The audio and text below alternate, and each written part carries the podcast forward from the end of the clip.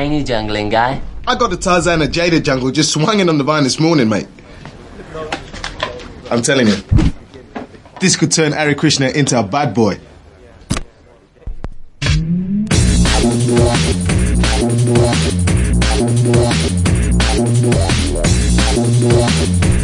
uh, croeso i Gaerdydd, mae'n fore dydd, sadwrn, glyb, iawn. fan hyn yn Grange Town. Um, da ni'n cerdded y strydoedd a i wneud yn siŵr bod chi yn gwybod bod na fwy na just fi yn wyndro rownd yn siarad fan hyn. Mae Bryn ma. Helo! A mae Estyn yma. Helo! Oce, okay, so da ni ar ffordd i Hacio Rai 2018. Yn dan, da ni wedi goroesi bygythiad rhyfel niwclear, bygythiad alt-right trolls, a pryd ymysg popeth arall allan yr uh, hitio ni fo a da ni yn mynd i drafod technoleg a'r y Gymraeg. Sydd so, ddim yn reidio dyn nhw beth, da ni wastad yn bod yn trafod ar y podlediad o, boys. Na, na, mae hynny'n wir. Da ni'n bod eich bach, bach, bach off topic weithiau gweithio. Ma' hwn yn mynd â ni nôl i'n gwreiddiau. Da ni'n gweld llwyth o um, bobl eraill 'dan ni'n gweld unwaith y flwyddyn i edrych ar ddatblygiad y tech, ond rhaid fi ddweud, dydw i heb, a ddeud y gwir, wneud fy ymchwil ynglyn â pwy sy'n dod heddiw. Uh, yes, dwi ti 'di edrych ar rhywbeth wyt ti eisiau gweld heddiw? Uh, dwi jyst yn canolbwyntio ar trio cadw'r cyrru neithiwr dal i mewn yn fy stumog ar y funud. so, dwi wedi edrych i weld pwy sy'n pwy sy'n mynd i fod yn trio cadw hwn o lawr i fi. Um, do, hitio ni'r uh, stiwdio fwyd llysieuol uh, ar help yn arth neithiwr. Oedd yn hyfryd, ond hefyd yn llawn hipsters. So oedden ni'n ei deimlo fel bod ni yn Silicon Valley. Oes, mae eisiau croesi ar y greisiad zebra fan hyn, wan, roedd. Dal iawn. dwi, dwi dal yn mam mood, so dwi just fel, oh god, ffordd, ffordd, a! Um, dan, so, da ni'n dod fyny ar adeilad y tramshed. Mae'n hyfryd adeilad hen, siediau bysys Caerdydd, tramsiau tech da ni'n mynd i. Um, mae Google wedi bod yn cynnal i digwyddiadau nhw fan hyn. Um, a, a cwmni Illustrious. Illustrious? Da ni yma um, yn ceisio efelychu. Be mae Google wedi bod yn neud? Uh, bwrdd, hei, da ni'n cwrdd â chydig o delegates arall. Um, digwydd bod Bryn, ni di'r Welcome Committee i fod. Ia, yeah, ia, yeah, da ni'n galwad am uh, harad i wyth, dweud bod ni welcome committee am 9 gloch. Ie, yeah, uh, yn anffodus, does gennau hyd yn oed ink yn y printer, so mae pob peth yn mynd i fod yn super digidol, a mae gennau ffôn a teunlen. Um, so, os da chi wedi dod i hacio'r iaith ac wedyn yn ffigur allan bod na neb wedi rhoi croeso i chi, sorry, bai neidio. Ie, ia, ia, yn sicr, da ni, uh, da ni derbyn y, y bai yn y sefyllfa yna. Uh, right, welwn i chi fewn na.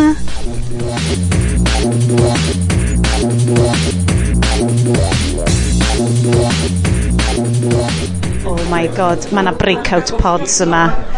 Iestyn, mae'n rhaid bod ti mor gyfforddus fan hyn. Esbonio beth da ni'n edrych ar. Mae yna fatha cozy corner coach di cael ei wneud allan o plai a scaffolding. Um, ma, a, a mae union be o'n isio fod yn cwmni dan, nath nhw ddeud, o oh, na, nhw'n i gael y stwff arall ma'n lle. Ond ma'n Mae'r set-up y lle mae'n edrych yn gret o'r, or eiliad cynta. Um, mae, ma ffitio fewn i, i fatha be ti'n dychmygu tech. Mae fel Startup Central yma. Mae'r lle'n llawn um, clistogau. Dwi'n eitha hyderus mae clistogau IKEA dyn nhw. Um, clistogau IKEA. W, minciau pren bloc. Lot o plywood, lot o taflunwyr Mae Carl ar hyn o bryd yn llenwi'r post-it notes ma, llenwi digwyddiadau fyny ar y peth ma'n barod. Um, dyma fo llais uh, hacio'r iaith yn hyn, Mr Carl Morris. Ti iawn, Carl? Uh, o'n i'n clywed bod ti, bod ti yn gysglyd iawn bore yma yn ôl noodles. Um, Cesi yr ansawdd, falle nid yr, uh, yr amser y ddi noson dda neithiwr. Um, ydy o wedi tanio rhywfaint ar y dychymig ynglyn â gwneud sesiynau llawer mwy cyffroes ar ôl neithiwr? Dim o gwbl. um, mae gen ni keynote gan Andrew Green, Cymru, y byd digidol a threigl amser mae'r lle'n llawn. Ar hyn o bryd, fi ydy'r unig un sydd yn meddu ar par o bwbs yn ystafell. O, na, na, na, dwi wedi ffindio merch arall. Helo, da chi'n iawn fan hyn? Uh, sut oedd y daith lawr? Uh, iawn, dathon ni lawr prynhawn ddoe. O, chi'n iawn ta? Felly oedd y tywydd yn braf, Ac oedd y cwmni'n ddifur, doth oh. pedwar ohono ni gyda'n gilydd. So, tîm Bangor wedi dod lawr, tawl y llys o lle da chi gyd? Mae Steph oh, mas yma Ross. Mae Deledd hynny, e- Ross yn helo, neis gweld chi to. Unrhyw datblygiadau Maxenaidd i ddod lawr? Dim, dim gyda fi. Um, uh, wedyn, ti'n well i gael sgwrs gyda um, Dewi a uh, Stefano. O, yn dan, yn dan, do'n i'n cofio llynedd, gathen ni amser rili really da yn siarad efo nhw. A, dwi wedi gweld Leia hefyd, so ma na fwy o ferched yma. Da ni'n gobaith yn fwy, o, oh, mae Iestyn wedi gwneud hynna'n yn hollol gartrefol yn y pod yma yn barod. Drychwch, Startup Central, ie, Bryn? O, oh, mae'n anhygol, mae uh, ping-pong tables o bob man. Mae oh, uh, mae'r um, ma hot... Um, hot tub yna yn y gornel yn edrych yn... Oh, just... A mae'r ma sushi bar yn uh, anhygol, de. Dwi'n dweud, brecwast, dwi'n gweld gyda i... Sorted. Mae'n neis i gweld bod y tank pysgod enfawr na hefo'r pysgod ar gyfer y sushi. O'n i'n siŵr sef yn gweithio, ond mae o.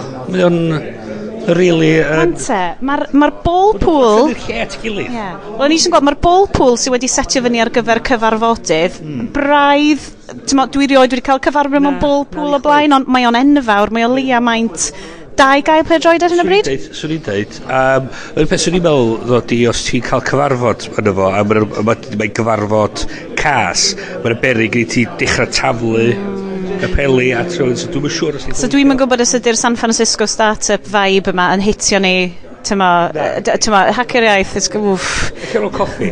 Eich ar coffi. Bryn, ti heb gael unrhyw coffi bore yma. Oce, okay, falle ni adael ti fynd i sortio'n hyn yn allan. So, da ni di meddiannu'r pod. A mae pawb arall... Mae pawb arall... Podlediad. Get it? Pod ar gyfer y podlediad. Da ni'n um, eistedd fan hyn, ond mae pawb arall yn eistedd ni rhesi'n barod ar gyfer yr araith. So dwi'n teimlo, falle, ydyn ni jyst mynd i eistedd yn y pod ma trwy'r pnawn, neu ydyn ni jyst mynd i uh, ymuno gyda'r llwyth o bobl sy'n dod. Llwyth o bobl ma? Dwi'n meddwl fydd yr un, eich hwn fydd yr, yr, yr bes. Hwn fydd... Bes of ffrif. Ie, ac o'n i o'n i'n neud yn...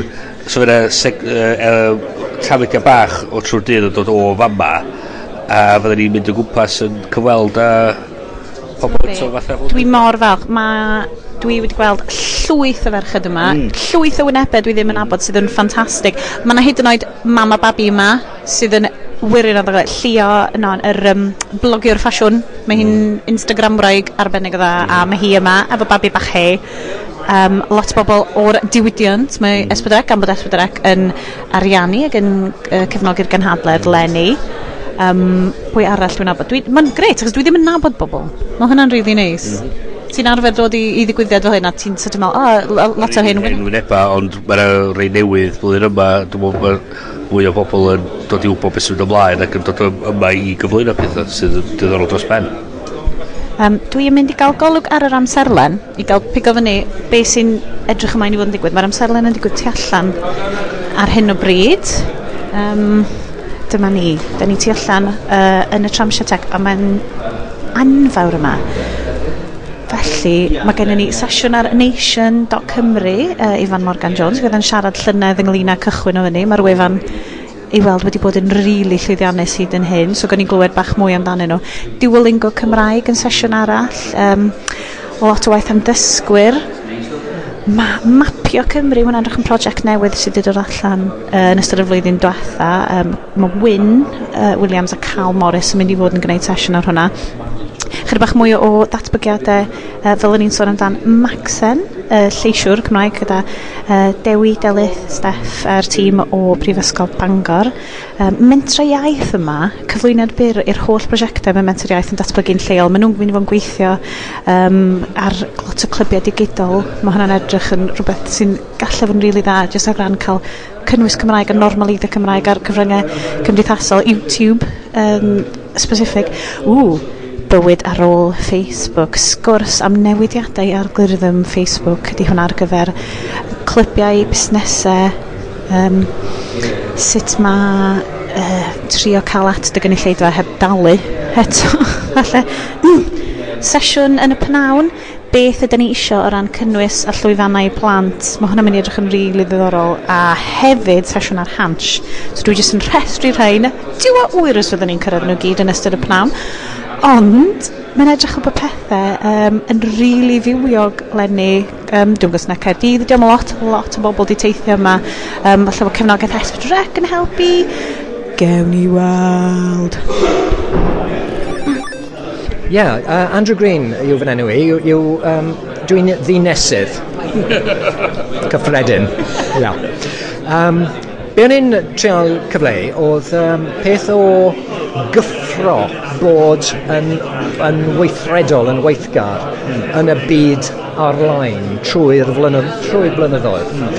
Ond y syniad oedd dy fi oedd uh, syniad uchelgeisiol ond syml iawn, iawn, iawn, uh, oedd i ddigido llyfrau yn Gymraeg sydd mewn hawlfraint. Hynny yw, does dim hawl i neb wneud e ar hyn o bryd. Ac y syniad yw cael cytundeb o fewn Cymru uh, gan y Llywodraeth, Cyngor Llyfrau, cyhoeddwyr, awduron a llyfrau cenedlaethol i allu digydo uh, llyfrau Cymraeg um, sydd mewn hawlfraint, falle hyd at 2000, a dodi popeth ar y we yn rhad am ddim i bawb yng Nghymru. Dyna'r syniad yn gyffredinol, Byddai'n cynnyddu y mas critigol uh, o stwff yn Gymraeg ar y we yn aruthrol. A byddai'r defnydd o stwff yn bound o fod yn uchel iawn iawn iawn o farnu a, a profiad yn Norwy uh, lle mae hyn isios wedi digwydd. Ydych chi'n sôn yn ystod y sesiwn hefyd bod yr er model yn Norwy dangos bod na ddim er, gostyngiad yn gwerthiant a falle a bod yn actually i ryw radd wedi codi gwerth, uh, gwerthiant. Felly chi siarad bach mwy amdan um, be oedd y data yn dangos a eich beth sa ni yn Gymru gallu dod i, i, i deall da, o'r data yna. Ia, Yeah. Wel, mae ma profiad yn Norwy yn dangos yn glir bod dim gostyngiad wedi bod yn werthiant llyfrau go iawn, llyfrau printiedig, mewn siopau llyfrau yn Norwy, um, sydd yn galonogol iawn iawn. Felly bydde, bydde y cynllun yma falle yn, um, yn gweithio ac yn codi uh, defnydd o stwff yn Gymraeg heb amharu uh, ar um, a werthiant neu'r diwydiant llyfrau yn, yn, yng Nghymru o'n i'n meddwl fatha, o'n i'n disgwyl hynna ar ddiwedd y, y, y, y ddarlith i, i, i ddeud y gwir. Um, a er na dyna di dy gemdir di, uh, digideiddio bob dim a bod ei gyd am gael ddim. A wedyn, oedd hynna i wneud fod, nid yn unig fod llyfrau yn Norwy rwan, ond maen nhw'n ma nhw dechrau wneud y, y media i gyd gallu fynd i fyny. A mae hwn yn rhywbeth da ni wedi bod yn drafod ar y haclediad ers um, ers i ni gychwyn, really, bod, bod mae gallu cael at stwff Gymraeg yn anodd iawn ac unwaith mae di bod ar teledu, mae di mynd, neu um, ffindio llyfr, mae'n anodd ffindio fo, mae'n allan o brint neu bynnag, ac fysa hyn yn Fysa hyn yn troi bob dim ben i lawr ac yn, swn i'n meddwl, swn i'n cynnyddu ffaint o siaradwyr Cymraeg fysa yna um, ac, ond be ydy'r cam nesaf de? Sut i gychwyn o de? Um, a di hwnnw rhywbeth os ar er, llywodraeth yn Gardydd yn gallu neud, a di hwnnw rhywbeth ar i ni fynd a neu cael newid o ar halfraint trwy Brydain i gyd? Wel, swn i'n meddwl, uh, mae'n wallgo mewn ffordd ond yw e, bod ni bod ni'n colli pob peth sydd wedi cael ei darlledu gan S4C uh, ers y cychwyn oni bai bod S4C na'r cwmnïau e yn dewis ail darlledu nhw. Mae hynny yn wallgo mewn ffordd, mae'n wastraff o, uh, o ddeunydd ag ymdrech. Um, so ni'n meddwl ta'r ateb uh, ydy gweithio o fewn Cymru, a dwi ddim yn credu bod yna unrhyw obaith o gwbl yn neud yn ar lefel Prydeinig, gweithio o fewn Cym Cymru, um, byddai'n gymleth iawn iawn mynd nôl i ddechrau S4C mm. uh, a, a trial cael popeth yn rhadeg am ddim i bawb oherwydd bod yr hawliau mor gymleth mae gan bob rhaglen hawliau lluosog yeah. bydda'n, tra, byddan traed uh, darbicio mm. ac uh, un peth arall yw bod uh, S4C wedi gwneud penderfyniad taw'r cwmnïau cynhyrchu sy'n sy, PR hofraeth. Er, er, Felly... Tal dan y cynnwys. Mae'n gadael i'r... Yeah, yeah. yeah. Felly, swn i'n dweud bydda, bydda un ateb yn newid y drefn nawr, mm. hynny yw at y dyfodol, mm. fel bod yr hawlfraint yn aros gyda'r yeah. S4C, uh, fel bod nhw uh, yn gallu trefnu yn y dyfodol mm. i'r stwff fod ar gael. Fatha llinell, uh, llinell wad a dweud, reit, o fan i wan ymlaen, mm model yma a wedyn dechrau gweithio nôl wedyn uh, yeah, so di'r problem ddim yn mynd yn waith yn union ia yeah. yeah, quite uh, ond mae'n mynd i fod yn anodd iawn mm. lot yn anos mm. uh, gyda stwff wedi darlledu yn hytrach na llyfrau sydd yn weddol syml mm. sy'n ni'n meddwl mm. Mm. Yeah. Dwi'n meddwl os, os, os ti jyst yn dechrau efo efo llyfrau am fod hwnna di stigma sgan fi efo fod, fod llyfrau uh, ar gwefan gwales yn digidol, um, mond yn fyna ma nhw rhan fwy yn nhw a ddim ar gael ar be bynnag dyfais da chi'n ei ddarllen nhw. Da chi'n diwm yn hawdd fi lawr weithio um, dim mam a dad dim yn mynd i wneud o. Tybod, so mae'n gallu cael o mewn, i gyd mewn un lle um, a fod y pres yn mynd i'r awduron tybod, mae'n model dyla weithio ond ie, pwy gicio i ddechrau ni i, i gael o'i gychwyn. Ie, yeah, trio... Um, cwmnïau sydd e, eich e, mynd yn erbyn i diddordebau nhw fel cwmnïau ac eich edrych arno fo fel o gyda ni a diddordeb fel cenedl yn y trech na diddordebau bach so ie yeah. Diolch yn fawr. Dwi ddim wedi cyfrannu lot i'r sgwrs yma. Dwi jyst wedi bod yn gwrando. Diolch!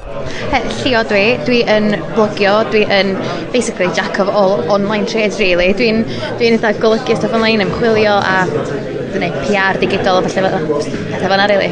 So, beth sydd wedi dod at ti i Hackeraeth? Achos, just yn bersonol, dwi mor, mor excited i gweld mwy o Gwynebe merched. A merched dwi ddim yn abod, merched dwi heb weld mewn stuff tech fel un o blaen. So, beth sydd wedi dod at ti ma heddiw? really, dwi eisiau cynrychioli ar merched, really. ond hefyd cynrychioli merched sy'n fama. Yndi. Dos am llawer. Wel, beth sy'n mor amazing ydy, mae gennym ni pwdin bach fan hyn uh, yn yr bygu amazing ma sgen ti. Pwy sydd wedi dod hefo ti? Llew Gwynfor di hwn. Ia, yeah, mae'n bahafio. Mae Llew yn edrych yn mwyaf chilled dwi wedi gweld erioed. Um, Dyswn ni mwy na hapus i jumpio fewn hefo fo. So, mae hwnna'n rhywbeth o'n i wedi bod yn stryglo fo fyd. Wel, dim stryglo fo, twa dwi wedi cael, cael plant a bethau fyd a mae jyst meddwl o fel trio cymbainio dau ochr dy fywyd sut wyt ti'n ffindio hwnna di bod ers cael y llew? Wel, mae'n gallu bod yn challenge ond o'n i'n surprise gymaint o bobl, bobl oedd fel, fel pan mae'n ei feichiog, dweud fel, o, ti eisiau gwneud hyn, gwaith yma, gwaith all, o, ti'n disgwyl, o, oh, di moch. Ond, dwi wedi kind of convincio lot o bobl i, na, dwi'n gallu gwneud y gwaith yma, dwi'n gallu gwneud o, dwi'n ni'n gallu gwneud y mwy, os ni'n eisiau. Ond dwi wedi cario ymlaen, dwi heb di stopio, really ond hefyd dwi'n manage amser, so dwi'n yn cael amser, dwi wedi cael pam, pam mae llewn newid gael ei enni, yn cael mynd amser i ddod i anabod o, ond mae'n mater o just balance o bob dim. Fedri ti, dwi wedi bywyd dim yn gorffan pan ti wedi cael babi, really. Na, mae'n amazing, achos dwi wedi gweld, dwi'n gwybod sut ti wedi sylwi yno fo, lot mwy o media mam-based Cymraeg wedi dod fyny llynedd fel Gwefan, Mam Cymru, llyfrau, llyfrau Mari Ryddgrin. Wyt ti'n teimlo bod gen ti'r egni i, i fynd allan a neud pethau fel yna. Achos dwi'n gweld y mamau sy'n neud hynna, dwi'n mor impressed, cos dwi just fel, dwi just yn cadw'n hynna'n i fynd, just about. Lle mae dy... Ydy wedi tamnio ti mwy i wneud pethau, neu ydy wedi ti cymryd cam yn ôl a ail ystyried tywa, y gwaith ti'n neud ar-lein? Wel, dim really, achos dwi'n dilyn ar Instagram, dwi'n dilyn lot o blogwyr sy'n fama, a hynna rili really sy'n cadw i fynd gweld nhw'n neud stwff a fatha y stwff maen nhw wedi wneud mae o'n neud i fi eisiau neud hefyd fatha fatha dyma, fatha y stwff maen nhw'n neud, fatha ma lot, fatha heb nhw, dwi'n meddwl fyswn i'n breastfeedio. So mae'n ma, ma dangos ydyn dylanwad nhw hefyd, a dwi'n prynu, dwi prynu gormod ar brands maen nhw'n recomendio hefyd.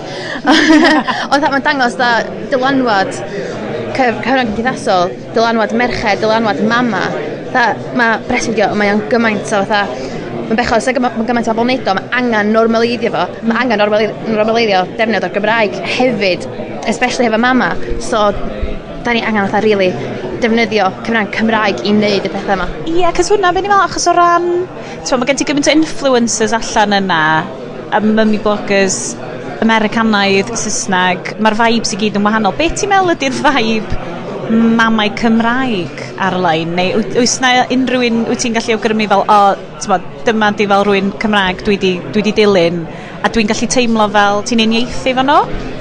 Yn Gymraeg, dim hynna faint. Mae'n lot mwy yn Saesneg, ond y Gymraeg, mae o'n rili really gyfyngedig. Fatha, dwi'n dilyn gyda pobl fel Mary Lyfgrin, a mae llyfr hi, nes i ddallan o mewn diwrnod, o'n i just yn obsessed efo fo, o'n hilarious. Ond, ia, yeah, Mae na, ma na fel byna na cys dwi'n gwybod, oedd oedd Ifan yn y, y sesiwn Nation.Cymru, o, oh, so ddim lot o merched yn cyfrannu i'r wefan, a wedyn nath o pwynt allan, o ie, mae gennym ni lot o trolls, ac o'n i fel, mm, yeah. falle sa hwnna'n esbonio ba. Ti'n ti ffeindio'n anodd i sticio dy ben dros y pared weithiau, just fel, granda, dwi just mynd i cadw pen fi lawr, yeah Um, ond dwi'n rili, really, rili really falch mo, o, o, siarad efo rhywun fel ti sydd wedi cario ymlaen i wneud o. Chos mae hwnna'n rhywbeth dwi eisiau rili really trio dweud a dod nôl fewn i bethau. Um, wyt ti yn teimlo wyt ti'n teimlo bod ti'n documentio bywyd llew trwy dy stwff cymdeithasol ti neu dio just yn ti'n documentio dy brofiad di hefyd? Be, be, lle ti'n gweld o? Um, sni, well, dydw i'n yn really ddeblogio llawer amdan llew. E, Ers ni licio dyna oedd y bwriad. Dydw i'n mynd o llawer a o'n i wedi bwriad eitha documentio beichogrydd hefyd ond nes i just anghofio really Oedd y beio ti? Oedd mor anodd na cofio bob dim. So Yeah. Wyt ti'n gweld bod channel ti'n newid neu bod presenoldeb ti'n newid neu wyt ti dal yn gallu deud o dwi dal yn ymwneud y byd uh, like fashion, lifestyle ond just digwydd bod mae gennau person bach yn attached i fi rwan Ie, yeah, mae dyna di'r peth yn blogio achos ti'n cychwyn efo diddordeb a wedyn ti'n cael dy dylanwadu gan beth sy'n digwydd yn y byd beth sy'n digwydd yn dy fywyd personol di so mae o'n mae o'n esblygu mae'n tyfu hefo chdi really. yeah. Mae'n yn lyflu dwi'n mynd i adael llonydd i ti rwan achos bod ti fan hyn am lle yn cysgu so ti actually cael mynd i PP a bethau stuff mae'n amazing okay. Reit, dwi'n mynd i ffeindio mwy o ferched rhwng fan hyn a nhw'n i trio ffeindio bach mwy o movement mummy bloggers Cymraeg. Cymraeg. Hai fi ddeud, er, dwi'n cedi, oedd y lluniau genna i, oedden nhw ddim yn ffit i roed ar unrhyw fath o social media, achos oedd genna i lot o lluniau documentio pŵ lot o pŵ. Mae'n lot o ffrindiau gyda fi wedi postio lluniau o nhw hunan mewn Labour. A mae hynna mor refreshing achos er bod nhw'n... Mae ma iffer olwg yn nhw. Ond mae just mae'n ma normaleiddio fod ydy. Yndi, achos mae'r ma dychryn yna, os nag oes gen ti bobl yn, yn y teulu sydd wedi mynd trwyddo fo a di deitha ti, do'n i rioed ydi dal babi pretty much cyn cael babis fi a'n i rioed, ydi newid clwt o stwff. ond Dwi'n cedi falle mae yna shi, ma shift oedran hefyd, achos dwi'n cedi bod fi, dwi just cyn y millennials o ran bod yn hun, a mae o dal yn rhywbeth lle ti eitha fel, o oh god, dwi'n yn gwybod swn i'n gallu bod mor agored a hynna, ond eto, ti siarad am to, cenedlaeth ti, cenedlaeth iau eto, mae o, ti just yn rhannu dy fywyd di, a mae hwnna'n rhan o dy fywyd di. So, ydy o'n rhywbeth wyt ti'n gweld, os, os da chi byth yn cael um, brawd neu chwaer i llew, wyt ti'n gweld beth ti'n documentio hyd yn oed mwy ohono fo? Dwi'n gwybod, mae'n ma, ma hollol ddibynnol be fydd yn mynd ymlaen yn bywyd fi ar y pryd. Ond dda, mae mor anodd a siarad stwff achos ti fetha, o, ydi rhywun yn mynd i postio a comment yn ôl yn dweud, o, ti'n hyn y rong, ti'n hyn y llall yn rong. So, ti'n ti gorfod bod yn Mae'r ma ofyn yna o rhywun yn criticisio chdi, really. A, ah. a nid dyna di fel debate masif, ti'n postio unrhyw beth allan a ti'n mynd, ydy'r calonau bach na mynd i ddod fyny, neu ydy'r comments bach na mynd i ddod fyny. Yeah, yeah. Diolch yn fawr iawn am amser di. Na i actually ddod allan i ti rwan. Diolch yn fawr iawn. Uh, Liam dwi, uh, dwi'n myfyriwr ym Mhrifysgol Caerdydd yn astudio uh, Gymraeg. Uh, fi Elen yw um, golygydd gair rhydd sef Papa Newydd Mhrifysgol. So Ale, dwi, uh, dwi, o'r, dwi o'r wythgrig, um, dwi'n studio Prifysgol Cardydd fyd, uh, dwi'n ei journalism. Uh, so, ie, yeah, dwi'n bennaeth ar MCC, nes i gyd sefydlu fe fel Liam, a dyn ni jyst wedi bod yn, yn gweithio teg at twod, creu platform sy'n hybu a twod, i, i fyfyrwyr gael yn evolved efo, efo cyfrwng myfyrwyr. Straight ar off, pan weles i cyflwyno'r chi, o'n i mor falch, o'n i mor excited o weld bod chi, bo chi wedi cychwyn o, ond bod o'n hefyd, ges bach o sioc bod o'n rhywbeth mor newydd, like, ers pryd ydych chi wedi sefyll, uh, sefydlu? So, sefydlu ni fe yn ôl yn haf uh, llynedd, um, so dod i diwedd blwyddyn academaidd llynedd a um, ar ôl cael fy mhenodi fel uh, golygydd gael rhydd, o'n i'n fi oedd um, golygydd adran tafod yn y gair rhydd uh, y llynedd, so o'n i'n gweld bod yna diffyg um, platform cadarn ar gyfer y Gymraeg o fewn y papur a cyfryngau myfyrwyr. So, gyda aled fel... Um, Drodi. Fel? Um, Yna beth yw'r thing express. O, oh, so, ie, yeah, fi di cydlynydd y Gymraeg i express, so fatha, basically, beth da ni'n siarad ydy wneud yn siŵr bod na, pan da ni wedi gadael uni, bod na rhyw fath o platform wedi cael ei sefydlu. Bod o'n, bod o'n bod na, bod o'n goroesi rhaid i chi'n gadael, bod rhywun yn cymryd drosodd a mynd o ymlaen a, a datblygu fo mwy. Ie, yeah. a ni'n gwybod fel, oedd dyrddau yn ni rolau eitha cadarn o fewn cyfryngau Saesnig yr adran, o'n i'n gwybod allan ni nawr dechrau wneud gwahaniaeth o ran y Gymraeg. So, dyn ni'n cael sgwrs bach am beth ni moyn wneud a cymcyd dath o hynny wedyn i hybu creu cynnwys Cymraeg. Syniad dros beint oedd really. Ie, na, na, beth yn union. Mae syniad agora uh, dod dros beint. Ar ei gweithio hefyd, ond ei da hefyd. Um, so mae hwnna, dwi'n hwnna yn gynnwys uh, sain, fideo, a sgrifenedig hefyd? Ie, yeah, yeah, so um, o blaen cyn CMCC oedd gennym ni tafod sef adran Gymraeg um, gair rhydd, mae hwnna wedi bodoli ers rhyw deng mlynedd. Ie, yeah, yeah. yeah, rhyw deng mlynedd. A wedyn mae gennym ni cydlynydd y Gymraeg uh, i Express, sef yr ôl dwi'n neud lan. Um, ond mae'n anodd credu cyn hynny, dyna ddim adrannau Cymraeg wedi cael ei sefydlu, neu fatha, neu rhywun i wneud y siŵr bod na rhyw fath o gynrychiolaeth i'r iaith Gymraeg o fewn CUTV, so teledu visual dwi'n a wedyn Quench, sef y, mag y magazine lle.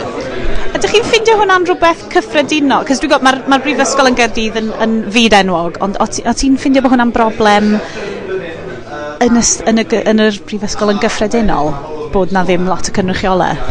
Mae'n gwella. Um, mae'n gwella yn sicr. Um, mae ma ni... Mae'n rhywun sefydlu ymgyceleni sef undeb myfyrwyr Cymraeg o fewn undeb. Ydych chi'n cael chance i fynd um, bach yn edgy yna fo, neu ydych chi'n goffa bod o dan fel Amberella Brifysgol? Ti'n os na unrhyw fel alternative content ydych chi'n rhoi dan fo no? neu ydych chi'n teimlo fel bod gennych chi, chi'n goffa neud pethau'n ddechrau? Uh, Dwi'n meddwl pe, y peth ydy efo um, student media, wel, especially efo gair rhydd, ti'n rhydd o, i ddeud pe bynnag ti isio, uh, mae yna ryddid tywod i freedom of speech neu be bynnag. Efo Express, fatha, mae yna ma na delera achos mae'n cael ei chwarae trwy gydol yr SU. So ti'n cael rhegi, tywod, da ni'n da ni wedi penderfynu bod y C-word yn Gymraeg, sef cechu, da ni wedi penderfynu bod ni ddim am ddeud cachu ar y radio mwy. Os ella, os mae neini neinia'n grando, fydden nhw ddim yn hapus. Ond ti'n cael deud o'r podcast, so gei di ddim be bynnag ti eisiau ron. Dyna pam ddwlsa ni'n neud podcast, actually, so bod ni'n llir regu. O'r ddordeb gyda'i bod chi'n recordio rhaglenni radio, a wedyn y coed i heina wedyn ar mix. uh, Mixcloud. Ydy yna, i ryw radda, podlediad o ryw fath, fysa hwnna? Ie, podlediad, sorry, dwi'n dweud o'n iawn, podlediad. Ie, podlediad ydy licio mewn, mewn rhyw ffordd, yeah. ond um, dio ddim yn... Um, achos mae gennym ni... Um, a beth gael nhw... Um, mae gennym ni bed a falle, sy'n yeah. sy, sy, sy yn aml yn ei bed iawn, mae podcast. Yeah. Um, hefyd gennym ni... Um, a beth gael nhw... Uh, os fi wybod fewn o'r enw. Ti'n bod y bit sy'n rhoi rhwng caneuon, fatha mae gen IDs. Stings oh, fel. Ie, mae gen i IDs a falle fyd, so... Mae'n dim ychydig bach yn wahanol i podlediad. Mae mwy o stream yn dydi. Mae mwy o kind of stream o stuff. Ond eto mae o'n ffordd gwahanol cael eich cynulleidfa gwahanol hefyd yn dydi. Achos yn amlwg, di, di pawb ddim yn mallu rando na fo, achos mae o, o ddeg o gloch tan hanner nos a nos iau. So diolch exactly to prime time. Ond da ni'n ffeindio, mwyaf rhyw bobl yn licio just grand nôl ôl iddo fo, wedyn os o ti'n licio can, gyd i skipio drwy iddo fo, just gwrando iddo fi a fi a'r hogiau yn jyst yn malawiawyr. So beth di plans chi am lenni te? Os na fel, da chi'n meddwl am cyfresu, da chi'n meddwl am strands gwahanol, be sy'n ar y gweill? Da ni'n gwybod achos da ni di, neilio y pedwar, y pedwar cangen, so hwnna oedd y, y gol, ond be dwi'n rili really eisiau gwneud ydy creu y sylfaen, so bod hwn yn cael ei gario ymlaen a bod o ddim yn marw, neu neu rhywun yn dod mewn flwyddyn nesaf fatha head, head o un, un o'r, un or student medias a cael gwared o section Gymraeg achos wedyn, os oes gennym ni rhywun fel pennaeth cym, cym, maen nhw yna i weithio gyda nhw a wneud o siŵr bod yna rhywbeth fath o gynrychiolaeth i'r Gymraeg. Na'r brif challenge, really, yw penaethiaid pob adran sy'n rheoli cynnwys. So, fi yw'r golygydd y bab yn newydd, so mae'n hawdd. Ond wedyn, pa ma? Na'r sialens wedyn nhw, yn dibynnu pwy sy'n rheoli pob adran arall. Mae'n efo'r un un pasiwn a'r un un syniadau, a bod pob yn rhan o'r un un a un ni'n uchelgais. Ysgen nhw ddim obligation i gael cynnwys Cymraeg, dyna'r peth. Uh, a so well gan i beidio bod o'n cael ei orfodi, achos dwi fel rhywun nath fynd i ysgol Gymraeg yn Sir y Flint, dwi'n teimlo oedd y gorfodaeth o'r Gymraeg anon ni wedi wneud i ni ddim eisiau siarad Cymraeg. Yn sicr, yn sicr, dwi o'n teimlo rhywbeth tebyg yn hyn yn, yn tyfu fyny hyn ochr, ochr Gynarfon, so ia, dwi'n cytuno fy hynna. bod Mae'n gorfod rhywbeth mae rhywun yn dewis wneud yn ytrach na mi, mi wneud i wneud. Ysgogi pobl i wneud, lle, a just wneud, wneud, ddim wneud Cymraeg yn dasg, wneud o'n uncool, just tywod, trio wneud pethau bach yn wahanol, tywod, da ni'n gofyn am papur newydd llawn, tywod, da, da section bach, sgan ni'n resources, sgan ni'n pobl, deu gwir. Sicr, sicr.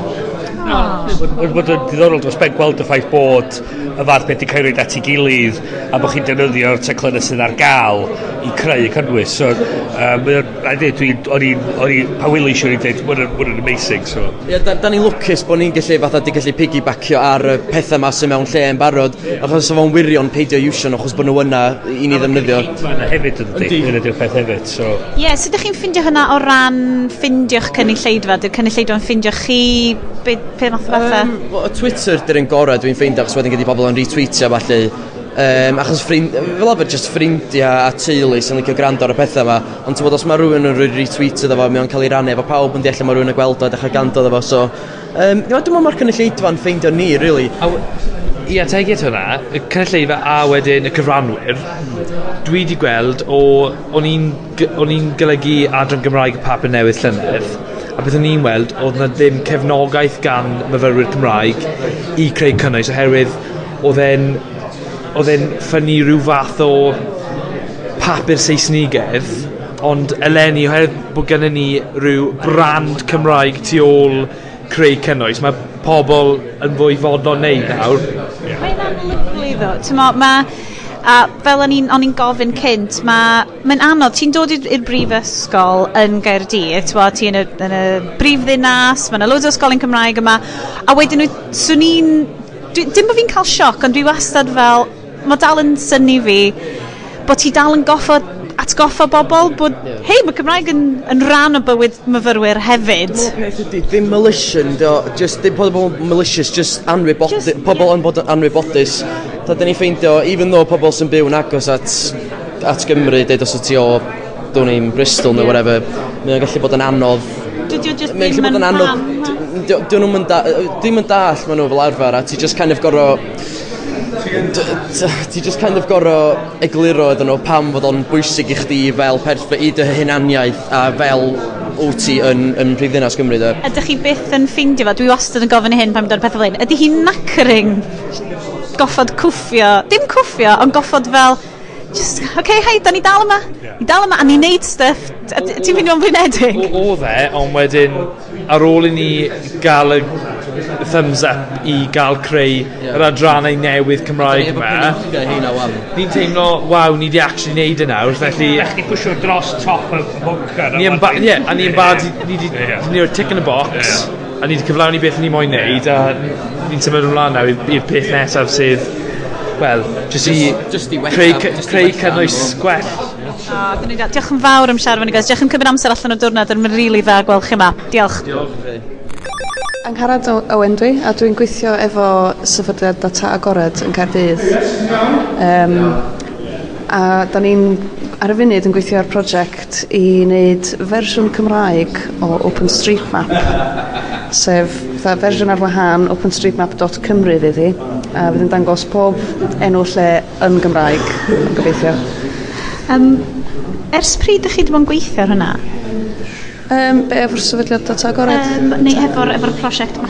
Prosiect yma, um, jyst rhywbeth diweddar ydi o. Da ni wedi cael grant gan Llywodraeth Cymru o dan fatha targed Cymraeg 2050. Oh, yeah. A dyn, um, ers jyst cyndolig dwi wedi bod yn gweithio ar hwn a da ni ar ymgyrch fatha eitha cyflym i codi ymwybyddiaeth a cael yr enwa llefydd ma di poblogi ar y map er mwyn, wel mae'r map yn fyw yn barod ond um, mae yna dal gapiau i fod ond erbyn diwedd mis Mawrth da ni'n gobeithio cael rhywbeth fedrith pobl defnyddio i, i gael o gwmpas o leia um, ymarferol. So, o'na rhywbeth diddorol yn ei gweld o sesiwn oedd yr syniad oedd um, enwa Cymraeg gyda i prif enw ar y peth neu oedd o'n cael ei adio fel enw.cy so faint o edrych trwy'r map faint o bethau fel sydd yn dod i fyny? Di o'n rhywbeth sydd ydy o rhywbeth sy'n benodol mewn un ardal ta ydy o dros, dros y lle i gyd? Um, Wel fel oedd, dwi'n cofio enw fwy, oedd rhywun yn deud yn fanna, oedd um, mewn ardaloedd mwy Cymraeg, er enghraifft Cynarfon, ti'n mwy debygol o gael rhywun yn rhoi yr enw Cymraeg fel prif enw ar OpenStreetMap. Um, ond fel arfer mae pobl wedi rhoi yr enw Saesneg fel sy'ch chi'n gweld ar map OS mm -hmm. a wedyn di roi y Cymraeg lle maen nhw wedi roi yeah. o fel tag ychwanegol name.cy mm -hmm. um, a weithiau mae ffordd arall rond mm. Cymraeg fel prif enw yeah. a name EM fel yr ail enw ond um, mae datblygwr neu Cal Morris wedi fod yn gweithio'n galad i gallu ffiltro allan y fersiwn Cymraeg mewn bob achos mm -hmm. ac i ddangos ar y map. Chos, ti'n meddwl, mae wedi dod fyny newyddion yn ddiweddar, ond mwy nag yn ddiweddar, ti'n meddwl, mae'n trend ydi bod hefo mewnfudwyr yn newid enwau, dydy'r cynulliad ddim wedi deddfu o blaid hyn. Oes yna, bod, pa mor fanol wyt ti'n gallu mynd fewn i'r map, er enghraifft, ti'n bod, ffermydd y pethau'n cael ei ailenwi. Oes yna ffyrdd i gofnodi enw, yn hytrach na'n enw post yna fo, yr enwau, fel ti'n dweud, mwy hanesyddol, neu ti'n wyt ti'n ffeindio fo mynd yn wleidyddol weithiau y gwaith ydych chi'n neud? Wel ie, yeah. mae yna ma drafodaethau wedi codi yn barod. Da ni wedi cyfarfod efo Comisiynydd y Gymraeg, efo swyddfa hi, ac um, da ni wedi cael rhestr um, defnyddiol dros ben gyda nhw o enwa pentrefi a trefi. Um, mae nhw'n argymell i'r ffurf cywir. Ond hyd yn oed yn fanna mae yna rei, mae yna rei enghreifftiau lle mae yna ddadl. Er enghraifft, mae nhw sawl enw Cymraeg ar, o, o Grangetown. Dwi'n cofio nhw i gyd. Na, mae Grangetown yn sefyllfa mor odd achos, like, trellia. A ni- o'n i wir yn mynd i ofyn amdan, like, the trelliest question. Right. Achos mae o ar arwydd un o'r arwyddion um, gorsaf dren a pethau hefyd, ond yeah. like, mae trelliest, mae yna gymaint o fel mae yna fel ref, reverse newid enwau, cos mae pawb fel, well, Grangetown wedi bod erioed, ond wedi cael enw Cymraeg, ond mi oedd yna aneddiadau Cymraeg yma ymhell cynt ond dath y dre ddim datblygu. So mae hwnna ydych chi to er na'r data ydych chi'n delio fo ydych chi beth yn, yn cael eich rhoi mewn sefyllfa anodd felly efo pethau felly? Wel weithiau ond i fod yn onast gwaith ni ydy sefydlu'r peth a wedyn sefydlu modd o um, cofnodi uh, ffurf gwahanol o enwau fel ffurf amgen. Mm a wedyn mae fyny bobl dadle mes i gilydd par un di'r prif ffordd neu tha, os, os ti'r Comisiynydd y Gymraeg wedi ar, awgymell ffordd, da ni'n mynd efo hwnna. A wedyn am mwy ma'n enwa lle di data Comisiynydd y uh, Gymraeg ddim yn mynd i lawr i lefel enwa stryd er mm. enghraifft. So os adadl fanna yn gallu cael eu cynnal fatha tu ôl i'r scenes i bobl sy'n cynnig uh, cynnig yr enwa ac yn mynd i mewn yn golygu'r map. Mae'n gallu rhoi nodyn yn dweud pam maen nhw wedi rhoi hwnna. Efallai bod rhywun arall yn dod nôl yn dweud dwi'n cynnig bod hwnna. So adeiladu'r strwythyr da chi yeah. i bobl gael boblogi fe wedyn. Yn union, ie. Yeah. Dyna pam da ni'n trio codi ymwybob, codi ymwybyddiaeth, codi, codi stŵr am y peth, codi sŵn. Um, er mwyn i bobl teimlo wedi ysbrydoli mynd allan yna i, ac i gyfrannu'r map. Dwi'n siŵr bod yr erthyglau newyddion o bobl yn newid enw effermydd y Saesneg yn digon i wneud. Diolch yn fawr am siarad fan Ngharad. Os, uh, os mae bobl eisiau dod yn cael cymryd rhan yn, yn y gwaith, yeah. beth yw'r lle gorau iddyn nhw fynd i? Reit, um, os ydy pobl eisiau dechrau yn syth bin i gyfrannu'r map, fedrwch chi fynd i openstreetmap.org a cynnig, cynnig enwa wrth tagio nhw efo name CY. Adyn. Ond os da chi eisiau cysylltu efo ni um, trwy uh, Mapio Cymru, da ni Cymru. Wel, trwy dau, really, ond ma'n... Da ni wedi rhoi ar hyd y Facebook a'r trydar. Um, mm. hashtag Mapio Cymru. Mapio Cymru. Hashtag Uh, ie, chwilio am Mapio Cymru, te, ia? Yeah. Lyflu, diolch yn fawr i ti, diolch am damser. Hwyl! Roslyn Pris ydw i, ac um, Dwi wedi bod yn gwneud gwaith yn lleoleiddio ar gyfer Mozilla Ed rhyw 15 mlynedd a mwy, ac Lenny, um, ges i'n gwadd i fynd i um, Austin, Texas ar gyfer i um, cyfarfod All Hands. Mae'r cyfarfod iddo All Hands yn, yn rhywbeth Americanaidd iawn, yn adlewyrchu ffaith bod lot o'r cwmnïau mawr a lot o staff yn gweithio ar draws y byd mewn gwahanol wledydd ac maen nhw'n darparu cyfleoedd i bawb ddod at ei gilydd er mwyn datblygu cynlluniau newydd ar gyfer y cwmni. Ac felly, y rheswm o'n i wedi cael yngwadd fel gwirfoddolwr oedd er mwyn dylanwadu. Oedden ni wedi cael yn siarsio bod rhaid i fi weithio i ddylanwadu ar bobl. Oedden ni'n cael sesiwn hanner awd i wyth yn y bore, lle oedden ni'n gorfod fel criw o wirfoddolwyr yn gorfod dweud beth oedden ni'n mynd i herio y diwrnod hwnnw a beth oedd y canlyniad oedden ni'n mynd i gyrraedd. Ac wrth gwrs, fel cyn weithiwr yn y cyngor, o'n i'n gwybod mae lol oedd rhan fwyaf hyn, o'n i'n gallu dweud unrhyw beth o'n eisiau, ac oedd neb yn cofio ar gyfer y bore wedyn. Ond ta waith, ta waith, um, oedd yn, yn brofiad aruthrol oherwydd Y diwrnod cyntaf, oedd 1200 o bobl yn cyfarfod yn ystafell anferthol yma, gyda screens anferthol, um, yn y gwesti anferthol yng nghanol Austin, Texas, ac oedd y prif swyddogion yn mynd trwy pethau yn deithio ni anglyn a popeth oedd nhw wedi bod yn cyflawni yn ystod y flwyddyn a be oedd y cynlluniau ar gyfer y dyfodol a be oedd yr holl bethau cyffroes. Um, ac wedyn oedd yr yn y prynhawn ar ôl y cyflwyniadau mawr, oedd yna gyflwyniadau llai yn dod ac oedd pobl yn medru gofyn cwestiynau i'r uh, cyflwynwyr ynglyn â gwahanol agweddau o uh, bethau yn amrywio o bethau technolegol, um, codio eitha dwys a cymleth i bethau yn ymwneud efo um, marchnata a delwedd a lliwiau a lluniau a pethau felly. Wedyn oedd hwnna'n ddifur iawn. Ond yn dod yn ôl at yr heriau personol, um, oedd yn ymwneud hefo bod grwpiau bach yn cael eu trefnu gyfarfod hefo um, adrannau o fewn y cwmni oedd yn ymwneud er enghraifft efo pocket, oh, sef lle o'n i wedyn yn gofyn cwestiynau iddyn nhw ynglyn â um, Oedd, oedd gen nhw gynlluniau ar gyfer darparu ar gyfer ieithoedd lleiafrifol a fel y Gymraeg a be oedden nhw'n bwriad i wneud. Ac yn eitha aml oedd yna rhyw fath o um, rhyw oedi embarrassing lle oedden nhw'n um, trio peidio a dweud no go away. Ac o lle oedden ni yn trio helpu nhw i roi rhyw fath o ateb lled gadarnhaol neu trio cael nhw allan o rhyw dwll. Um, wedyn oedd yna gyfarfodydd gyda um, uh, grŵp oedd yn ymwneud hefo darparu um, gwybodaeth i bobl o fewn y rhaglen ac oedd yn benodol ar gyfer wyth iaith um, ac oedd nhw fel gwirfoddolwyr ddim yn gweld bod y dechnoleg oedd gan Mozilla yn galluogi nhw i ddarparu mwy na be oedden nhw'n wneud.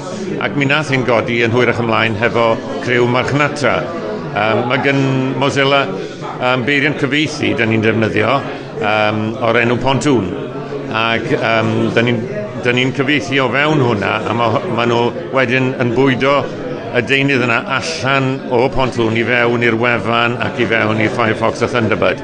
Ond doedd gen nhw ddim o'r dechnoleg eto ar gyfer yr elfennau marchnata e-, ehangach oedd gen nhw. Ac felly o'n i'n gallu pwysio ar hwnna wedyn yr angen i'r cwmni ddatblygu hwnna, bys bysa hwnna wedyn rhyddhau um, gwahanol agweddau. Iach, mae gen nhw'r cynnwys safonol ma, bydd nhw cymeryd hwnna roi dy fewn i trwy'r holl operation wedyn yeah. Ie, yeah. a, a ti'n gwybod, mae'n adlywyrchu yr, yr broblem yma sydd gan lot o gyrff o dydy un pen o'r cwmni ddim yn gwybod beth mae pobl eraill yn neud, neu, yeah. neu beth yw'r cyfleoedd a dwi'n meddwl beth oedden ni'n trio wneud oedd amlygu beth oedd y cyfleoedd a, a beth oedd yr anghenion. Gwahanol iawn. Trio roi persbectif gwahanol iawn. A dwi'n meddwl, oedd persbectif yn, yn, yn beth um, uh, diddorol iawn i fynd o Gymru yeah. i, i rhywbeth fel hyn, lle mae'r brwdfrydedd yn gallu bod yn amlwg tu hwnt. Ac ti'n bod, un o'r, un or, um, ymadroddion oedden ni'n clywed yn aml iawn oedd, super awesome! Um, ac oedd y drafodaeth yn aml ar y math yna o lefel, tipyn bach yn arwynebol fyswn ni wedi dweud, achos mi nath um, Jeff, uh, er, y dyn sy'n arwain ar lleoleiddio, ar ddiwedd yr wythnos ofyn i mi sut hwyl yn i wedi cael. Yeah. Ac o'n i wedi dweud, well, it's really interesting. Ac oedd o'n meddwl bod fi'n bod yn negyddol. Oh. O'n i ddim wedi dweud, super awesome. Super awesome. Yeah. Yeah, um, mae o ryw radda, da ni'n eich bod ni'n bachru cynical yn y ffordd mae'r Americanwyr a bach yn, yn, yn siarad a maen nhw'n ma nhw wirioneddol i, i ryw radda'n teimlo super awesome am pethau lle yeah. da ni'n edrych yn dweud be ti'n neud fath o beth dwi'n meddwl oedd na bobl yna wir yn ymdeimlo yn grif iawn ynglyn â be mae Mozilla yn trio ac felly bod um, hynny yn ei gyrru nhw. A hefyd dwi'n meddwl oedd yn y staff oedd yn dod o wledydd tlawd iawn yn De America, oedd wir yn, yn gwerthfawrogi'r ffaith bod nhw wedi cael cyfle personol i cael hwb i symud allan o dlodi ac i fod mewn uh, sefyllfa o ddylanwad ac o gyfraniad tuag at y gwaith. A hefyd, mae o'n, o'n un o'r peth oedd ni'n siarad yn heddiw oedd uh, cael mwy o lleisiau yn y stafell. Mae hefyd yn dod â perspectives gwahanol i fewn i'r sgwrs. So rhywbeth di rhywun o reidrwydd yn meddwl amdan pan maen nhw'n adeiladu fo, wrth siarad i deg o bobl eraill. Wedyn, yeah. o ie, nes i meddwl amdan mewn fforco, a, a dyna un o'r pethau dyryddiol dan cynadledd fel am y swnio. Ie, ie. A ti'n bod, um, math o negesion oedden ni'n trio cael oedd pwysigrwydd caniatau i ieithoedd lleiafrifol cael eu cynnwys, bod, bod gan ieithoedd lleiafrifol uh, yr angen am lot o'r negesion sydd ar eu gwefan nhw ynglyn â defnyddio'r uh, y we yn ddiogel ac yn gyfrifol, mm. bod um, Mozilla angen bod yn ymwybodol falle mai nhw oedd yr unig ffynhonell gwybodaeth o'r fath ar gyfer lot o ieithoedd llai oherwydd bod gyda nhw ddim o'r ystod o wefannau. A ti'n meddwl bod nhw angen bod yn ofalus ynglyn â trosiant gwybodaeth ar y gwefan bod nhw ddim yn symud ymlaen rhys ydyn yeah. ac yn gadael stwff felly allan o, o, o'r cynnwys a bod nhw angen edrych ar ei hunain fel cwmni byd eang ac nid fel cwmni Americanaidd yeah um, arfordir gorllewin America, dymod, San Francisco, Los Angeles, lle mae wrthyn braf ydy beth yn bwrdd glaw, a'r math yna o beth, bod nhw'n cymryd y magwedd um, beidia. Yeah. Wedyn, ti'n ma, mae'n dal lot o waith i wneud yma, achos maen nhw'n gweld eu hunain fel Americaniad, maen nhw'n mynd, yn maen nhw'n mynd yn gyffroes fel Americaniad. A dwi rioed wedi gweld pobl wedi cyffroi gymaint a gyda ni mewn cyfarfod hefo y criw um, hyrwyddo. Right. Oedd y, y, y, y, y ddwy o'n yn trafod ydyn nhw, ond o'n i ddim yn deall sut o'n nhw wedi eistedd lawr a bod wedi cyffroi gymaint yn glin ar rhywbeth. Dwi rioed wedi gweld neb wedi cyffroi gymaint mewn cyfarfod. Na, cyn i chi ddod i hacio'r iaith. Obviously. Ond um, oedd yn brofiad diddorol iawn. O, ah, diolch yn fawr, Ros. Diolch. So, Da ni wedi cerdded lawr a leia La Grange, fel da ni'n deud yn Grangetown. Uh, Tafon y Grange, ar gornel y Five Points yn Grangetown, wedi cerdded lawr o'r tramshed. Ar ôl diwedd um, naglediad 2018, Yr wythfed yn ôl, Cathodric. Yr wythfed, reit. Dwi'n mynd i basio hwn rownd wan, achos mae eisiau fod fel Jerry's Final Thought yn wan, achos da ni jyst yn dod i ddiwedd. Mae paint yn neis, mae yna lot o greision yn involved. Dwi'n bach yn nac... Like, mae yna lot o, mwy o siarad. Oedd hi'n rili really brysur erbyn diwedd yn hon. So dwi'n jyst mynd i fynd rownd wan. Okay? So, yes, dwi'n mynd i roi hwn draw i ti. Ddeud, be oedd ti, be did the takeaways di? Um, takeaways, yes, dyn. Um, Oedd, ie, dwi wedi blino hefyd. Ond a lot i gymryd i fewn. Um, ond a lot o'r un, uh, pethau da ni wedi trafod y blaen uh, yn ddyfo. Fatha, Uh, ond beth, beth da oedd fod uh, nation.cymru yna rwan, y, uh, blwyddyn dwytha, oedd o'n, oedd o'n gofyn amdan be ydych chi'n meddwl dylai fi wneud a sut dylai fi wneud hyn a rwan mae o fyny a mae o'n boblogaidd iawn, mae'n gweithio a mae o just angen trio uh, cadw fo i fynd uh, a gwydyn well, mi o'n i'n mynd i gymryd nodiadau a, a, a, a, a, Uh, yeah, mae YouTube wedi dod i fyny eto, a mae hwnnw'n bwnc sydd yn boenus oherwydd y plant. Um, ond neb efo syniad sut i drwsio hwnnw. Um, os o neb yn gallu drwsio fo, eblaw Google sy'n email. Dim yn bothered ni. Um, Oedd leia efo um, meddalwedd uh, diddorol o greu um, uh, storia lle ti'n arwain ffordd dy hun Ac na, na i reid i hwn, i hwnnw i fyny ar yr notes. Um, ond be oedd hi'n ddefnyddio fe, oedd fatha yn gwaith ar gyfer dysgu bobl sydd wedi gwneud pethau, so fatha, fatha tech support, fatha, fatha um, the router, uh, the wifi's gone down. Be dwi'n neud rwan? No, wedyn ti'n multiple choice. Have you checked it's powered on? So ti'n clicio, yes, I've powered it on. A wedyn mae'n mynd â chdi lawr i gwestiwn arall. That's so, um, Ie, dwi'n siŵr, uh, fel fod y microphone mynd rown, neith fwy'n dod yn ôl i'm henni am fod dwi'n... Mae yna gymaint i brosesu. Um, Wel ie, yeah, mae'n sicr. Um, ia, fel ti, ia, lot o'r rhan un uh, pynciau da ni'n gweld yn aml yn dod i fyny a lot o stwff da ni'n trafod yn weddol aml ar yr haglediad so oedd YouTube sicr da ni wedi trafod amdan di ddiwedd um, cwestiwn ar o gwmpas hawfraint a falle efo cynnwys Cym uh, Cymraeg. Um, digideiddio digideiddio um, oedd o diddorol cael um, Andrew Green yn sôn amdan hanes uh, digideiddio a sut oedd y llyfrgelloedd y falle wedi bod yn arwain datblygiad technoleg fel la. Um, a eto, et, mae et, i ni edrych eich ar gwledydd fel Norwy falle i sefydra ni wneud dyfodol uh, cynnwys uh, Cymraeg. Um, eto, dwi'n meddwl bod y uh, bach rhy ffordd oedd Andrew edrych ar lle bach rhy simplistic, chos dwi'n teimlo bod o'n diolch yn rhywbeth da ni o reidrwydd yn gallu neud ben yn hunan fel Cymru, ond sa'n rhaid i fod yn rhywbeth sa'n rhaid i'r llywodaeth yn uh, Llundan neud ar gyfer Brydain i gyd. Uh, ond, um, a eto, trio perswadio cwmnïau fel y lolfa a gwas gomer a balli i wneud y cynnwys mae'r gael i ni.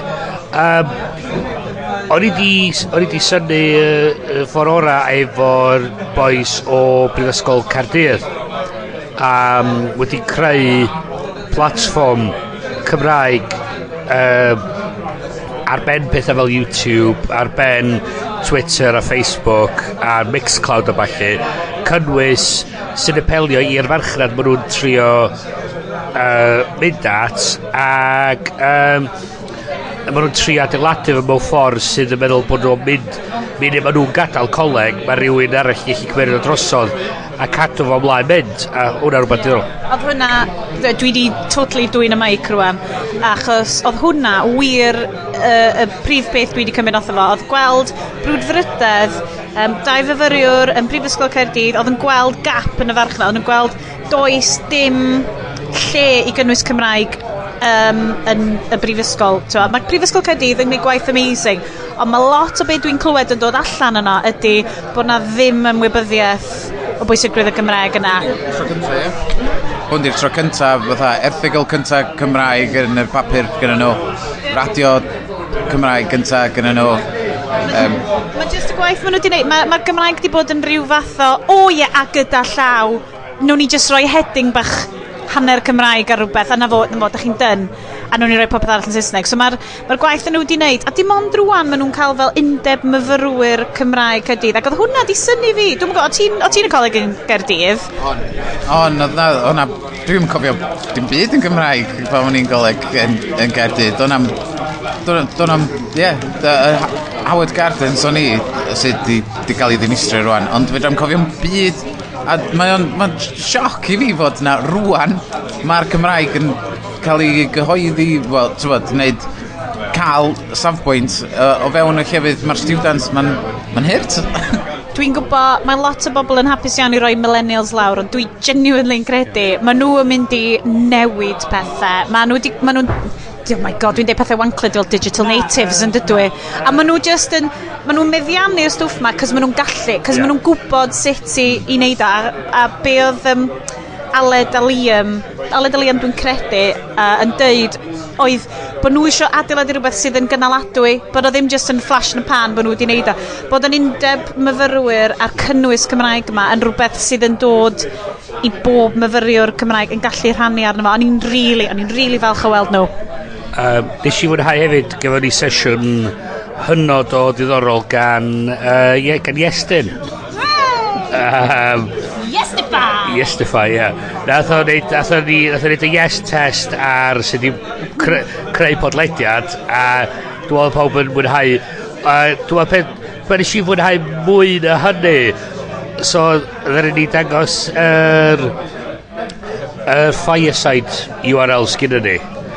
Ac yr llun, y prif lun, oh ydy llun o... 2012, Ie, ie, 2012.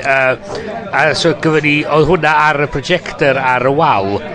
Ac ydyn ni sefyll dan fo ac a llun newydd a just mae chwe mlynedd diwethaf di mesio ni dwi dwi'n dwi'n dwi'n dwi'n dwi'n caru'r llun a mae'r llun yna'n hygol i fi. A just ni yn lle ydyn ni, ydyn ni gychwyn o, y lle da ni wan, a dwi'n dwi really hapus gweld rhywbeth fel Yn y grid. So far, and we reach so high, and we look each day and night in these eyes. Reit, nôl i fod yn serious. Fi di'r un serious yn y grŵp yma heddiw. um, un, un ateb i'ch allan i fi oedd, o fatha, out of the blue oedd parallel.cymru. Oeddech chi yna'n hwnna? O, oh, yeah, do, hwnna'n hwnna anhygol. Um, y syniad o creu eitha long reads safonol Cymraeg a Saesneg ac oedd nhw'n oedd ddau oedd y cynnwys a drws nesau gilydd so ni chi darllen uh, y Cymraeg newid uh, i ail paragraff yn Saesneg a mae beth pethau symud ac uh, a mae'n helpu i ryw radd dwi'n meddwl cael bach eich mwy o hyder yn darllen, darllen uh, Cymraeg. Dwi'n gwybod bod hwn ddim mega perthnasol ond fel na, da ni wedi bod yn trwy fi ydi swyddog um, marchnata digidol y Cylch Meithrin a fel na da ni'n strwythuro newsletters y Cylch Meithrin achos bod gen ti, ti'n mo, 70% o rhieni sy'n siarad Cymraeg wedyn. Ac oeddwn ni ddim eisiau gwneud y scroll down for English. Ne, ni hefyd yn hoffi oedd oedd y cynnwys di cael ei categoreiddio hefyd o stwff haws, stwff canolog a stwff dofn. So, oedd y stwff gwyddoniaeth a balli wedi rhoi di fyny yn, yn, yn, yn y petofn oedd oedd wedi cyfieithu Sherlock Holmes dwi'n meddwl? Hmm. Yna so oedd hwnna ar gael yna a lot o stwff safonol wedi cael sgrifennu gan pobl sydd yn gwybod beth mae'n siarad amdan. Yn ytrach na tri idiot yn eistedd o gwmpas y bôn mewn ti tafan. Mi gen ti ar? Um, Dwi'n yn cofio be arall o'na, be arall o'na. O'na sesiwn a 5 munud eraill, dweud. Um, Borach oedd i wneud 5 munud da. Um, nes i wneud sesiwn ar... Um, uh, a nes i just roed still massive o Peppa Pink yn crio achos bod rhywun wedi bod yn atacio hi efo syringes. Uh, diogelwch y we, ti'n os da chi wedi gwrando ar y benod yn athyn ni amdan there's something wrong with YouTube. Mae hwnna i gyd yna. Um, just, a, a doedd na ddim, does, does dim datrysiad fel ti'n sôn ias, cys Google si angen datrys hyn. Neith o'n datrys o tan, mae o'n quotes gwerth o i nhw datrys o. Uh, sa bod na rhyw fath o...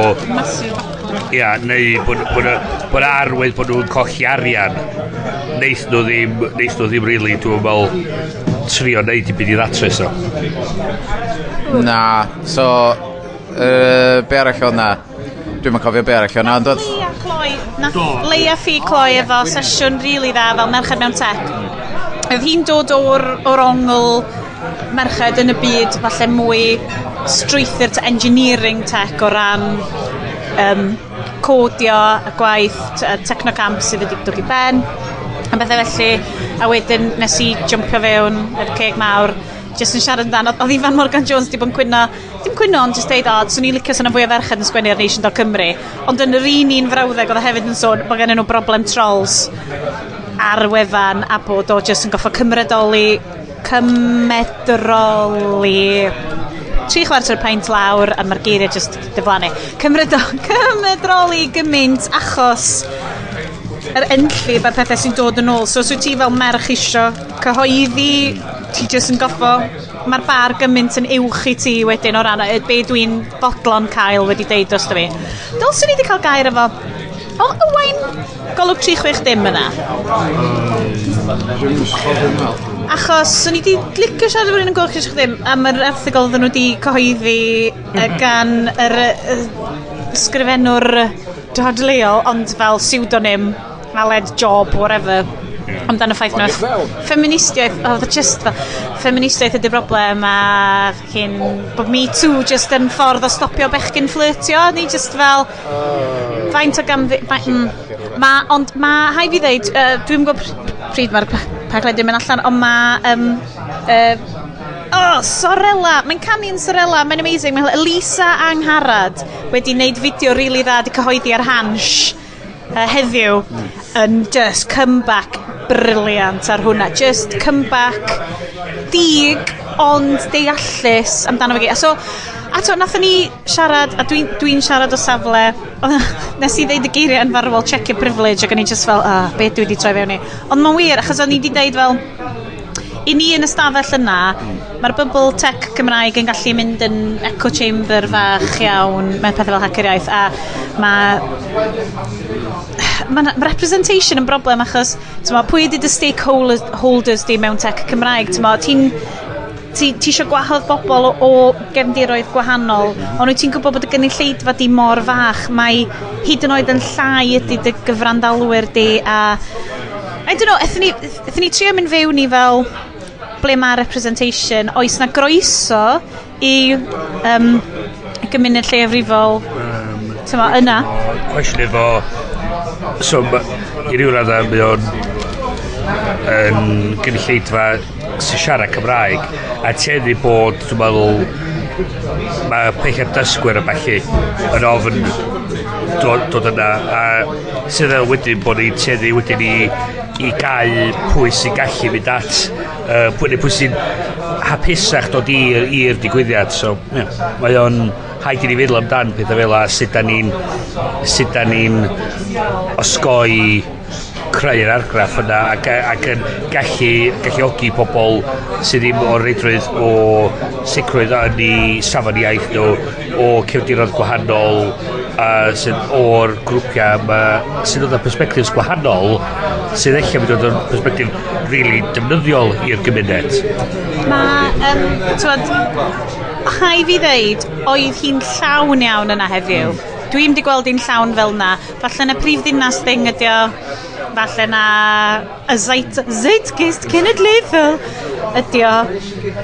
Mae 2018, swn i'n licio meddwl bod na ryw dro ar fyd, bod na pushback i'r alt-right byd da ni'n byw yn hi. Ond oedd y vibe Dwi'n yn gwybod beth y vibe, beth y vibe, beth y vibe, Lenny. Y vibe i fi oedd broccoli a dips. O, ti'n licio'r Oedd y brocoli a dips wedi wneud y diwrnod ar ôl siom y bichdana amser cinio. Hashtag paleo, yes ah yes eh. Tybo, so nath nhw, nath nhw gael un yn ôl efo moron, brocoli a tomatoes Dwi yn licio ah. brocoli amrod. As in, mae rhywbeth o dad yn bit o um, cauliflower amrod ac yn i wastad mewn ti'n weird dad a rwan dwi di, dwi di rownd i ddim. Di hwnna ddim yn gyfrannu ar dyr noson, ond dwi'n licio meddwl bod hwn fel mwy o traddodiadol haglediad, yeah. lle ti jyst yn mynd ar ddiwedd y haglediad, jyst yn mynd, beth y crazy shit gallwn ni siarad amdan rwan? Wel, da, da ni'n yfad, a da ni'n siarad nonsens, so mae'n yn fath fatha'r haglediad yn y barn ni. So, oes na eiriau cloi? Os na rwy'n isio um, cymryd y ha hacio'r iaith ymlaen ar gyfer flwyddyn nesaf. O, oh, ia! Yeah. a ddod hei, mae pawb yn trio hintio i sbydrec gymryd ymlaen yn yr, uh, yr egin! uh, ond dy, yw'rt yn gefn ardd rwy'n fi ddito. Um, ges i amser da, dwi'n falch o fynd, ond dwi ddim yn gwybod beth dwi wedi cymryd ond fo, heb amdan bod y millennials ar y trywydd iawn. Ie, yeah, dwi'n meddwl byddai'n cofio bob dim fydd i digwydd fori, so um, fydd hynna rhy hwyr. uh, I fi, ia, eto, mae, da ni clywed pethau wedi dechrau gweld pobl yn cymeryd uh, camau i um, i creu farchnadau i hunan, i creu cynnwys i hunan, ac pobl dod i, i wybod mwy am beth sy'n ymlaen. Um, ond ia. Ia, peidio dibynnu ar BBC a S4C i greu bob un darn o gynnwys. Mynd allan yna a creu cynnwys dy hun. Geiriau da. Oce, okay, diolch yn fawr i chi am rando. Welwn i chi am uh, benod llawer mwy arferol meddwol uh, mis nesa. Woo!